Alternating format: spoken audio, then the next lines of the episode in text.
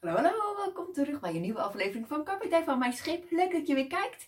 Vandaag ga ik het hebben over een ervaring met een politieagent in Amerika. Wat bij mij voor een behoorlijk trauma zorgde en ik uh, heel veel indruk heb, heeft gemaakt op mij. Ik heb dat opgeschreven in ons Amerika dagboek. Waarin ik ook alle tickets en allerlei foto's heb verzameld van onze reis van 2018. Ehm, ik ga het zo met je delen. Hoe dat uh, is geweest en is gegaan in Amerika. Dat heb ik opgeschreven, dus dat wil ik graag met je delen. Voordat ik dat ga doen, ga ik natuurlijk heel graag willen helpen herinneren aan de workshop die ik ga geven binnenkort. Over de emoties uh, bang, boos en bedroefd. Uh, ik ga drie avonden daaraan wijden. Speciaal voor de basisschoolleeftijd en andere avonden speciaal voor de peuterleeftijd. Waarin ik dieper inga voor 2,5 uur per avond in elk van deze emoties. Waarin je meer tips en tips krijgt hoe jij hiermee om kunt gaan met jouw kind. Um, hoe jij daarin ruimte kunt geven voor deze emoties en toch ook weer grens aan gedrag. Hoe combineer je dat met deze emoties? Ik vertel je daar graag meer over in de aankomende workshops en hoop je daar te zien. En voor nu ga ik graag verder met mijn verhaal. Wat er nou gebeurde in Amerika uh, met een politieagent. Een klein beetje achtergrondinformatie om het verhaal echt goed te kunnen begrijpen. Deze reis heb ik gedaan in 2018. Na onze scheiding ben ik samen met de vier kinderen naar Amerika geweest. Voor zes weken een roadtrip gemaakt. We zijn begonnen in New York en geëindigd in Los Angeles. Dus met de auto ben ik door heel Amerika heen gereden. En dat was een super vette ervaring. We hebben heel veel gezien. En twee dagen voor deze gebeurtenis ben ik aangehouden twee keer achter elkaar op dezelfde dag. op dezelfde dag, dat was nogal wat. Door een politieofficer met de mededeling terecht dat ik te hard reed. Dat klopte. Dus ook een boete gekregen. Geheel terecht. En uh, alles genoteerd in, de, uh, ja, in hun systeem natuurlijk. Eerste keer geen boete, waarschuwing. Tweede keer boete. Helemaal terecht. Goed. Nou, we waren inmiddels een paar dagen voor ons vertrek um, gebeurde dit. Dus ik dacht echt van ja jongens, nou uh, ik weet dat het in het systeem staat en ik heb geen zin in een zagrijnige officer meer. Uh, weet je wat ik ga doen? Ik ga me vanaf nu keurig netjes houden aan de snelheidswetten van het land. Alhoewel ik het soms echt niet helemaal eens ben met de snelheden. Weet je wat? 60 mijl is gewoon 60 mijl. Ik ga me er keurig aan houden. Dus, nu ben ik vanuit het Yosemite National Park, prachtig park, mocht je ooit in Amerika zijn, absoluut een bezoekje waard. Maar goed, ik rijd dus weg vanuit het uh, National Park naar San Francisco, ons volgende verblijf. En terwijl ik 60 mijl per uur rijd op mijn cruise control, um, ja, verwacht ik dus ook geen problemen te gaan ondervinden met een politieofficer. Dus dat is een beetje achtergrondinformatie wat daar dus aan vooraf is gegaan. Goed. Ik rijd in mijn auto 60 mijl per uur cruise control. En alle auto's gaan mij voorbij. En ik denk ook echt, je hebt groot gelijk. Want ik vind het ook veel te langzaam. Maar, hey, geen gedonde meer met de politieofficer. Ik zorg dat ik gewoon mijn nek aan de snelheid hou. Ik ga niet meer tegengehouden worden door een politieofficer die me terecht wijst op het feit dat ik te hard rijd. Dat gaan we niet meer keer hebben. Echt niet meer. Dus, terwijl ik daar zo rijd, komt er opeens een politieauto voor mij rijden. Nou, hier ga ik een aantal dingen citeren uh, uit het dagboek. Uh,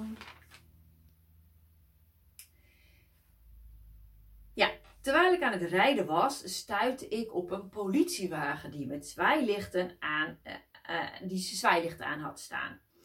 Uh, hij kwam voor mij rijden, dus ik was de eerste auto achter de politieauto. Hij reed heel erg langzaam, 5 tot 10 mijl per uur, dus echt stapvoets. Dus ik er ook stapvoets netjes achteraan rijden. En achter mij werden steeds grotere file. Ehm, het was in de bergen en het was vlak voor een grote bocht. Ehm, wij dachten in de auto, dus de kinderen en ik dachten dat het gebeurde omdat hij tegenliggers aan het meten zou zijn. En dat gebeurt wel vaker met zo'n flitsding. Zitten ze dan uh, in de auto en dan kunnen ze tegenliggers flitsen dat ze te hard rijden. En dan draaien ze om en dan gaan ze erachteraan gaan ze pakken. Dus wij dachten, daar is hij mee bezig. Dat is wat wij in de auto aan, dachten, dachten waren, aan het denken waren. Um, dit dachten wij omdat hij een antenne op zijn dak had. En wij dachten dat hij daarmee de snelheid kon meten. Ja, leken, wij hebben geen idee. Dus op de weg waren strepen aangebracht waar je kon zien wanneer je wel en niet kon inhalen. En wij zaten vlak voor een bocht, dus een dichtgetrokken streep. Um, uh, omdat de streep in het begin, ik was de eerste auto achter politiewagen, vertelde dat ik er niet langs mocht, wachtte ik ook netjes met het voorbijrijden tot ik een goed overzicht had op de weg. En de strepen mij ook vertelden dat ik mocht inhalen. Ze waren onderbroken strepen. Dus ik dacht echt, hier mag ik officieel inhalen. Uh, dus ik ga hem voorbij, zodat hij rustig zijn werk kan doen. En ik ook ruimte maak voor de mensen achter mij. Want het was een file geworden. Ik dacht echt, ik maak even ruimte. Dus dat was mijn gedachtegang. En wat gebeurde er toen? Het moment dat ik hem wilde inhalen, ging direct zijn zwaailicht aan. Dus die had hij uitgezet toen hij voor mij reed. Hè? En ik ging hem inhalen en zijn zwaailicht ging aan. Eh, om met heel, heel, heel veel kabaal. Echt heel veel kabaal. Ik schrok me dood. En ik wist niet wat ik fout had gedaan.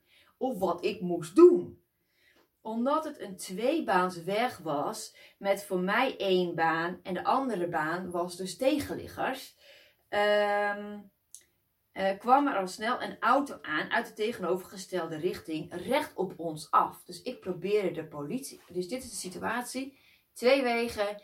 Uh, ik ga langs de politieauto. En de politieauto gaat naast mij rijden, zwaailicht aan naast mij rijden, waardoor ik dus niet uh, meer naar de kant kon. En ondertussen kwam er dus een tegenligger op mij af.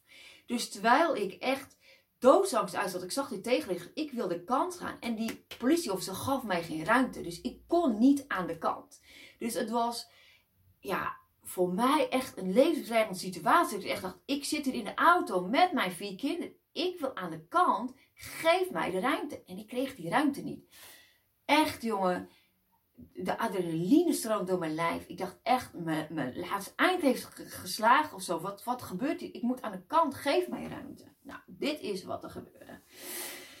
Um, uh, ja, toen was de chaos in mijn hoofd echt compleet. Toen ik niet meer aan de kant kon.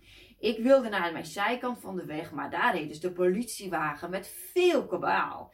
En zwaailicht aan, alsof er een mega crimineel bijna was gepakt. En ik was dus die mega crimineel. Ik dacht echt, oh mijn god, wat heb ik nou weer gedaan? En die mega crimineel, dat bleek ik te zijn. Ik weet niet meer precies hoe ik er ben gekomen. Maar ik moet ruimte hebben gekregen van de politiewagen om uiteindelijk naar de vluchtstrook aan mijn kant van de weg te kunnen rijden. Ik stopte daar en de politieman stapte uit. Nou, ik had knikkende knieën. Ik, mijn hele hart ging tekeer als bezeten naar zo'n ervaring. En die man die stapte uit en hij begon vreselijk tekeer te gaan tegen mij. En te schreeuwen. Waar, waarom haal je mij in? Uh, en ik zei, antwoord zoiets van, nou, omdat er veel mensen achter mij zitten en we langzaam rijden en we zo sneller verder kunnen. Ja, en toen was hij echt woest. Hij was echt woest. Juist, er zitten veel mensen achter je. En ik wil dat dit zo blijft. Omdat, en toen kwam de, kwam de reden, er verderop brand is en ik hun ruimte geef voor de mensen die achterop, die verderop onze weg dus in een brandsituatie zaten. Was hij expres het verkeer aan het ophouden zodat de mensen met die brand tijd hadden om de spullen daar onder controle te houden. Wist ik veel? Geen idee. Dat stond niet op, dat, dat kon ik niet, dat wist ik niet. Dus ik zei echt, oh. Dus ik zei ook gelijk, oh sorry, maar dat wist ik niet. Dus ik heb ook gelijk mijn excuus gemaakt. Ik wist het niet. Uh, en toen zei hij, hij was echt zo boos, zo boos. Mag ik je rijbewijs zien? Nu! Hij was echt te schreeuwen, jongen. Echt, het was echt bizar. Dat heb ik nog nooit meegemaakt. En waar kom je vandaan? Ja, ik kom uit Nederland. Dus ik probeerde echt heel rustig te blijven. En gewoon mijn vraag te beantwoorden. Ik was helemaal onder de indruk van zijn manier van doen. Hoe hij mij behandelde als een gigacrimineel. Kan je even voordenken, even indenken. Dat daarnaast, ik zat dus op een vluchtstrook daarnaast dus een gigafile aan het staan was. Nog meer, nog meer, nog meer. En alle mensen dus mee konden kijken. En aan het genieten waren waarschijnlijk van het hele tafereel wat die officer aan het, aan het houden was. En mij heel aan het kleineren was. En uh, ja, ik denk niet echt juist behandelde. Maar goed, voor zijn idee dus uh, zijn wet hield. Oké. Ehm, ja. Uh, dus ik gaf hem nogmaals aan dat ik spijt had. Want als ik dat had geweten, had ik echt achter hem. Ik heb hem ook echt uitgelegd. Sorry, ik wist het niet. Ik had echt achter je gebleven. Ik had dat geweten. Ik wist ook niet dat dat, dat, dat, dat, dat, dat wat aan de hand was. En ze zei ook, is het normaal om in Nederland langs een politiewagen te gaan? En ik zo, uh, ja. Uh, waarom zou ik niet een politiewagen mogen inhalen? Dacht ik bij mezelf. In Nederland kan dat toch gewoon? Wat? Nou, toen was hij helemaal klaar. Amsterdam. Oh, dat was al helemaal wat. Ja, nou, zo dus. En uh, dus hij schreeuwt tegen mij: dat is niet normaal hier om een politieofficer in te halen. Oh, oh, oh, sorry. Dat wist ik niet. Dat wist ik niet. Ik ken de regels hier niet. Sorry. dus ik heb echt nogmaals mijn excuses aangeboden. En ik zei, als ik de regels hier kende, had ik me eraan gehouden. Ik had je nooit willen inhalen. Sorry, sorry, sorry, nogmaals. En nadat hij mijn rijbewijs had bekeken en zag dat ik echt niet bewust of met opzet iets had gedaan. En mijn rijbewijs verder ook oké was. Um, was hij nog steeds wit heet. En zei hij, ja, blijf hier aan de kant van de weg staan met je auto.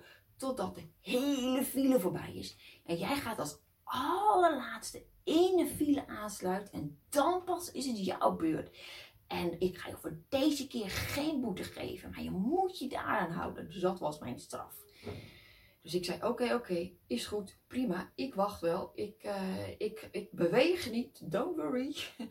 Dus Terwijl ik in mijn auto ging zitten met knik in de knieën en, en, en een borst, die, die kast die heen en weer ging als een. En ik dacht, oh mijn god, ik heb het echt helemaal fout gedaan. Oh, zo goed mijn best gedaan. Uiteindelijk is helemaal fout gedaan. Heb ik maar gewoon rustig gewacht tot die politieofficier ver weg was, over de berg heen. Dat hij mij ook niet meer kon zien. Ik rustig heb ingevoegd en mijn weg heb vervolgd. Ik helemaal blij was dat ik uiteindelijk die politieofficier had gepasseerd. De, de situatie inderdaad verderop, waar inderdaad brand was uitgebroken, had gepasseerd. En ik mijn weg weer kon vervolgen. Halleluja. Wat een trip. Goed. Dat was mijn verhaal, wat gebeurde. Wat voor mijn traumatische ervaring was, zou ik later achteraf in Nederland achterkomen als ik weer uh, iets zou krijgen met een politieofficer en ik dus traumatisch reageer, begrijp ik van mezelf dat dit dus een traumatische ervaring is geweest voor mij. Nou, waarom dit verhaal? En waarom nou weer dit combineren met ouders en kinderen opvoeden? Nou, ik denk dat je wel begrijpt dat jij als ouder verantwoordelijk bent voor jouw kind. En dat jij het beste hebt voor het met je kind. Zo is het ook met de politieofficer. De politieofficer hebben ook hun wetten en regels. En, daar, en zij zijn er om ons te helpen herinneren aan die wetten te houden. Dus als je dus een riem vergeet om te doen, zoals mijn vorige verhaal vertelde, om je eraan te helpen herinneren dat dat wel moet. En eventueel te bekeuren als dat ook terecht is. Je eraan te helpen herinneren dat je niet hard mag rijden omdat als je dat doet, je andere mensen in gevaar brengt. Bla bla bla bla. We kennen het allemaal wel. Maar nu zit ik in een ander land. Ik heb hele, blijkbaar zijn er andere regels. Maar niemand die mij deze regels had uitgelegd. Ik had echt nul idee. En, en toch werd ik daar heel erg hard op afgestraft. Ehm, nou goed, die, het is me duidelijk, het is me bijgebleven. Ik zal dat nooit meer bij mijn hoofd halen als ik in Amerika kom om een politieofficer voorbij te gaan. Bij deze dus ook de tip. Mocht je ooit in Amerika zijn, ga dus nooit een politieofficer voorbij. Dat was even mijn tip van de dag. Maar, nou jij als ouder. Wij hebben ook grenzen als ouders. En grenzen geven onze kinderen veiligheid. Grenzen zijn goed om te hebben tijdens het opvoeden van kinderen. Maar wat is het nou als jij een grens hebt gegeven aan een kind en een kind is dat vergeten? Of een kind is in zijn spel zo opgegaan dat, je, dat hij dat echt even helemaal kwijt is. Dat kan gebeuren. Hoe reageer jij als ouder? Ga jij uit je plaat en word jij heel boos? Verwacht jij van een kind na één keer waarschuwen en één keer uitleggen van de regel, dan snap je het wel? Of kan je in alle liefde gewoon je grens nog een keer herhalen van ik zie bijvoorbeeld, uh, je hebt een nieuwe regel, ik wil niet meer dat je met schoenen in je huis komt, in mijn huis komt. Bij de deur doe je schoenen uit en dan pas ga je naar binnen. En dat heb je gedaan en je kind luistert daar op zich naar. En op een gegeven moment komt hij met een vriendje binnen en in zijn enthousiasme en in zijn spel komt hij met zijn schoenen binnen en wil naar boven gaan. En jij ziet als vader of moeder en je gaat wellicht wel of niet uit je plaat. En je zegt, en dat weet je, en dat zijn de regels, en dat is altijd zo, en dat is niet anders geweest, en bla bla bla bla. Kleineert je kind ook nog eens waar je vriend bij is, waar het vriendje of vriendinnetje bij is. Dat kan heel traumatisch zijn voor een kind. Wat nou als jij wel je regels aangeeft en zegt: Hé, hey, ik zie dat je binnenkomt met je vriendje of vriendinnetje. De situatie is anders. Dus ik snap het en dat jullie heel veel zin hebben. Maar weet je nog wat voor regels we hebben? En dat je kindje wellicht zegt: ehm, Ik weet het even niet meer. En ik zeg: Kijk eens naar beneden, naar je schoenen. En dat je kinderen zegt: Oh, wat goed. Ja, nee, natuurlijk. Ik ga mijn schoenen aandoen. Want je kunt één ding wel van mij aannemen. Kinderen willen niets liever dan de ouders gelukkig maken. En soms hebben ze daar een extra waarschuwing voor nodig. En die grens is niet om overtreden te worden, om aan herinnerd te worden. Dat is oké. Dus ik wil jou ook echt vragen nu als ouder, let de komende periodes op. Als een kind een regel overtreedt, hoe reageer jij als ouder? En hoe wil jij reageren als ouder? Ehm, en hoe krijg je het voor elkaar om in rust te kunnen reageren? Mijn tip is: zorg goed voor jezelf. Zorg ervoor dat jij oplaadpunten hebt op een dag voor jezelf. Als jij goed zorgt voor jezelf, zit jij beter in je vel en kan jij ook beter en anders reageren op een situatie om je kind uh, te helpen met grenzen die er zijn, ook voor het kind. En voor de hygiëne in het huis. Of je wel of niet met schoenen binnenkomt. Ja of nee. Of je het wel of niet belangrijk vindt. Maar kijk eens naar je kind. En kijk eens naar de intentie van een kind. Doet een kind de dingen echt met opzet fout? is dat jouw idee? Of is dat echt zo? Die officer had echt het idee dat ik met opzet hem uh, ja, de wetten niet hield. Of dat ik hem passeerde om, om hem, weet ik veel, iets. Hij had iets in zijn gedachten waardoor hij dacht, nou die vrouw die heeft het helemaal fout. En ik echt geen schuld bewust. Dus soms zijn er ook regels dat kinderen het soms gewoon vergeten in hun spel. En dat doen ze niet bewust. Dat is gewoon zo, omdat zij meer in het moment leven. En uh, ja, hun hersens gewoon nou eenmaal anders werken als volwassenen. En dat is ook oké. En uh, daar ruimte voor te geven. Wees geduldig, liefdevol. Geef je kinderen die ruimte. Ik hoop dat dit verhaal jou daarin kan helpen om de volgende keer wellicht tot tien te tellen. En um, in liefde de grens aan te kunnen geven waarvan jij denkt dat het belangrijk is om als grens te hebben als ouder. Elke situatie is anders. Elk kind is anders. Dus ik vertrouw hierop in jouw ouders als ouders. Um, als jouw expertise. Jij bent expert van jouw gezin en jouw kind. Dus jij weet dit. Ik hoop dat dit verhaal jou heeft geïnspireerd. En, nogmaals, mocht je ergens moeite hebben met emoties, boos, blij, bedroefd. En wil je daarmee tips, tricks, handvaten in hebben, schrijf je in voor de workshop waarin ik dieper inga op deze emoties. Speciaal voor de basisschoolleeftijd, speciaal voor de, uh, een andere avonden voor de peuterleeftijd. Zodat je handvaten geef hoe je daarmee om kunt gaan. Ik hoop je daar te zien. Dat was het voor vandaag. Tot de volgende keer. Doei doei!